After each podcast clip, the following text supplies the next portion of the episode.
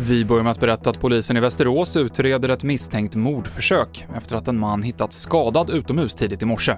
Polisen skriver på sin hemsida att mannen, som är i 20-årsåldern, har skadats med ett skarpt föremål, men att han inte har gått att förhöra ännu. Indien är nu det land i världen som har näst flest coronafall.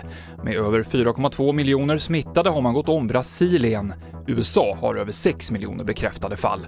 Trots att smittan har ökat under en månads tid så har den indiska regeringen släppt på en del restriktioner för att rädda ekonomin. Och idag så börjar älgjakten i norra Sverige, men det blir viktigt att klara av den sociala distanseringen, inte minst eftersom folk reser från olika regioner i landet och många jägare är 70 plus.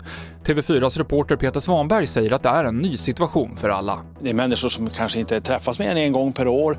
Man ska gratulera varandra till att man har skjutit en älg, man ska samlas i jaktstugor. Det är något som man har gjort på samma sätt i jag på att säga, alla världens tider, så, så självklart är det ju oerhört svårt att, att tänka på det där. Så det handlar egentligen bara om individens ansvar. Mer om älgjakten på TV4 Play. Jag heter Mikael Klintevall.